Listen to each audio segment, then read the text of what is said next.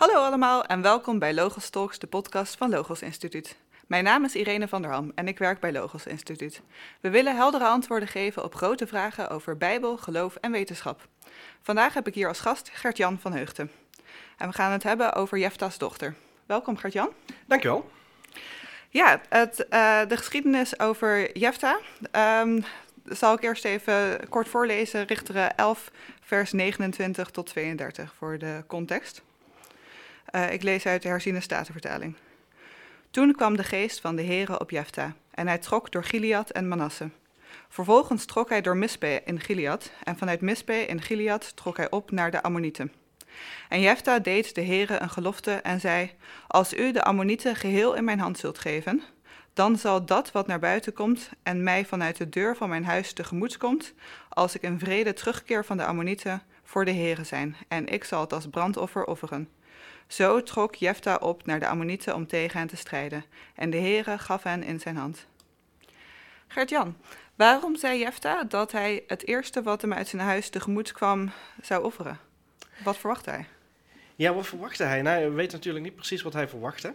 Maar het was in die tijd gebruikelijk, en er zijn ook archeologische opgravingen die dat bevestigen, dat uh, zo'n huis, dat daar mensen en dieren in samenleefden. En uh, als je dan uh, de plattegrond van zo'n huis bekijkt, van, van bovenaf gezien, dan, dat wordt een vierkamerhuis genoemd. Wat je dan hebt zijn eigenlijk drie rechthoeken naast elkaar en dan één rechthoek overdwars eroverheen.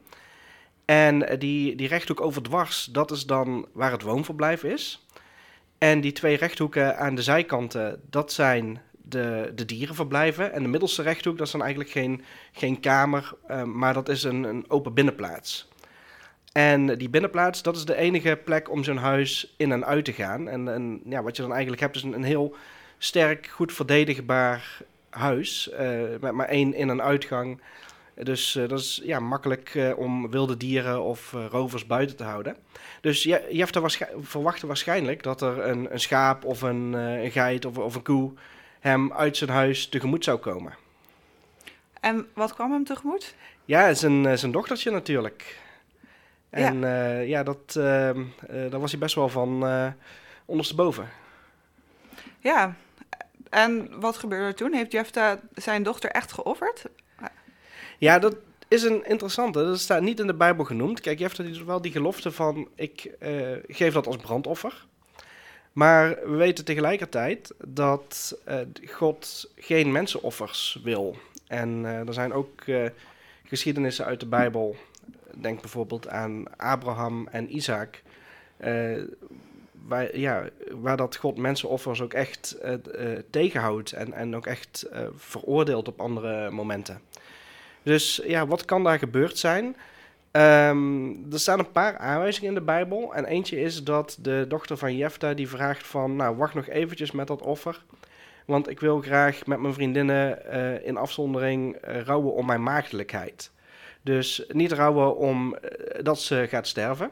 maar rouwen omdat ze geen kinderen gaat krijgen. En wat mogelijk is, en, en dat is een, een theorie die... nou ja, goed, je moet een beetje tussen de regels doorlezen is dat die dochter van Jefta niet geofferd is, maar als een soort van uh, dienstmaagd haar leven lang in de, de tabernakel heeft uh, gewerkt. Maar ja, dat kunnen we dus niet met bijbelteksten hard maken. Maar het lijkt evenmin waarschijnlijk dat zij ook echt als brandoffer is geofferd. Gebeurde dat vaker, dat er vrouwen in de tempel een, een tempeldienst hadden?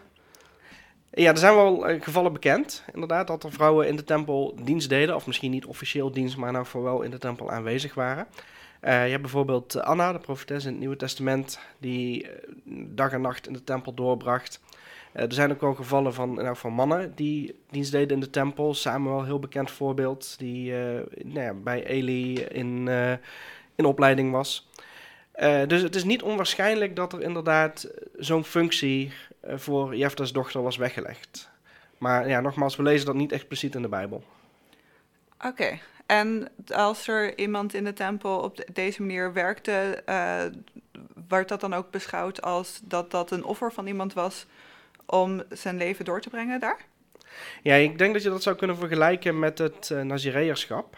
Dat uh, iemand die de Nazirea-gelofte aflegt, die, die zegt van ik ga geen wijn drinken, ik ga mijn haren niet knippen en nog een aantal andere dingen. Omdat hij zijn leven een, voor een bepaalde tijd helemaal inzet voor God. En waarschijnlijk, nou, tenminste de uitleggers die deze, deze verklaring aanhangen, van dat Jefta's dochter inderdaad in de tempel of in de tabernakel was het toen nog, als uh, dienstmaagd heeft gewerkt. Die zeggen van, nou, dat is dan waarschijnlijk zo'n soort van Nazireër gelofte geweest. Ehm, die zij als het ware namens haar vader daar, die, die haar vader haar heeft opgelegd. Interessant. Wat wil je hiervan nog meegeven aan de luisteraars? Ja, dat je altijd heel erg goed moet uitkijken en moet nadenken met uh, wat je uh, belooft en, en wat voor uh, eet je aflegt. Dan wordt ja, verderop in het Nieuwe Testament wordt er natuurlijk ook voor gewaarschuwd van ga, ga, niet zomaar een, een ondoordachte eet afleggen. En ja, het is natuurlijk vanuit Jefta bekeken waarschijnlijk heel erg goed bedoeld geweest. En hij verwachtte dus helemaal niet dat zijn dochter hem tegemoet zou komen. Maar uh, nou ja, het uh, geval, de geschiedenis wilde anders. En als gevolg daarvan, uh, hij had wel die eed gedaan aan God, dus die kon hij ook niet zomaar breken. Dus daar moest wel een, een uitweg worden gevonden. Dankjewel Gert-Jan voor dit interessante verhaal. Ja, heel graag gedaan. U heeft geluisterd naar Logos Talks, de podcast van Logos Instituut. Ga voor meer informatie naar logos.nl.